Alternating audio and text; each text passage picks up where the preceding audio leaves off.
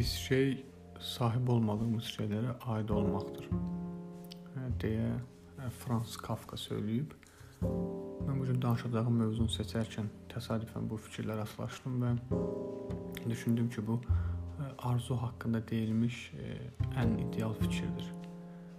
Və arzunu tərif edəsə olsa, ona bir tərif veriləsə olsa, məncə Kafkanın söylədiyi bu fikir tam olaraq o çərçivəyə və o qəlibə oturur ki, bizə arzunu belə deyək, fəlsəfi bir şəkildə izah eləsin.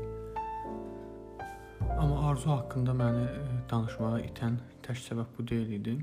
E, bu yaxınlarda izlədiyim iki filosofun fikirləri məni bu mövzu haqqında danışmağa itdi, hansılar ki, e, bu mövzular və bu fikirlər də mənim üçün yeni idi və maraqlı idi.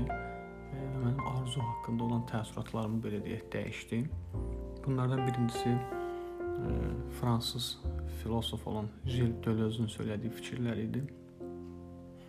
Hansı ki, e, Gilles Deleuze bizə izah etməyə çalışırdı ki, əgər e, biz nəyisə arzu ediriksə, bu hər hansı bir insan ola bilər və yaxud da hər hansı bir nəsnə, bir cisim ola bilər. Onu tək və konkret halda arzu etmirik, onu bir çoxluq içərisində arzu edirik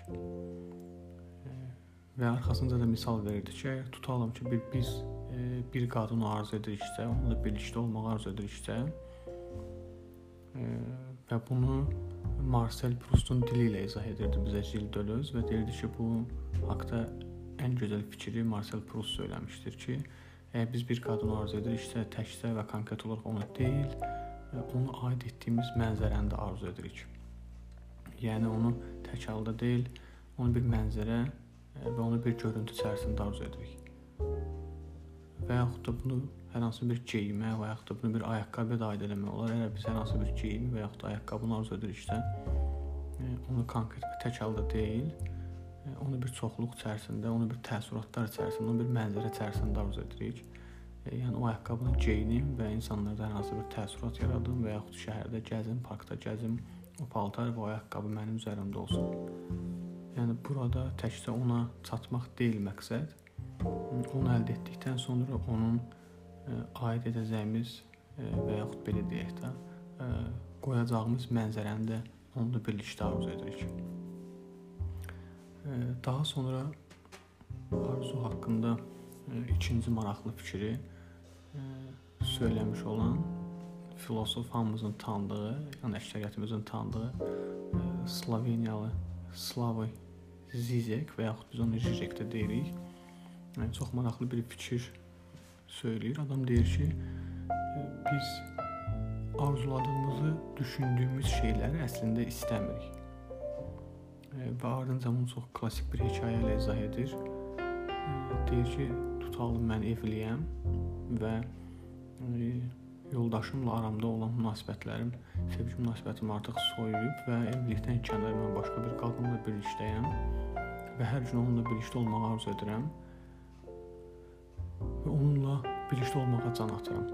Və istəyirəm ki, həyat yoldaşım mənim həyatımdan nədirsə itsin, ya ayrılaqmı və yaxud da nəsə baş versin. Yəni mən onunla artıq e, birlikdə olmayım, məşuqamla birlikdə olum. Və Zizek deyir ki, sən bunu istənilən bir psixo e, söyləsəz, o sizə deyəcək ki, əgər həyat yoldaşın getsə, onun arxasınca məşuqən də gedəcək. E, yəni əslində sizin arzularınız e, sizə sadə və bəsit gəlsə də sizin üçün e, çətin və ağır nəticələrlə və belə deyək, nəticələnə bilər.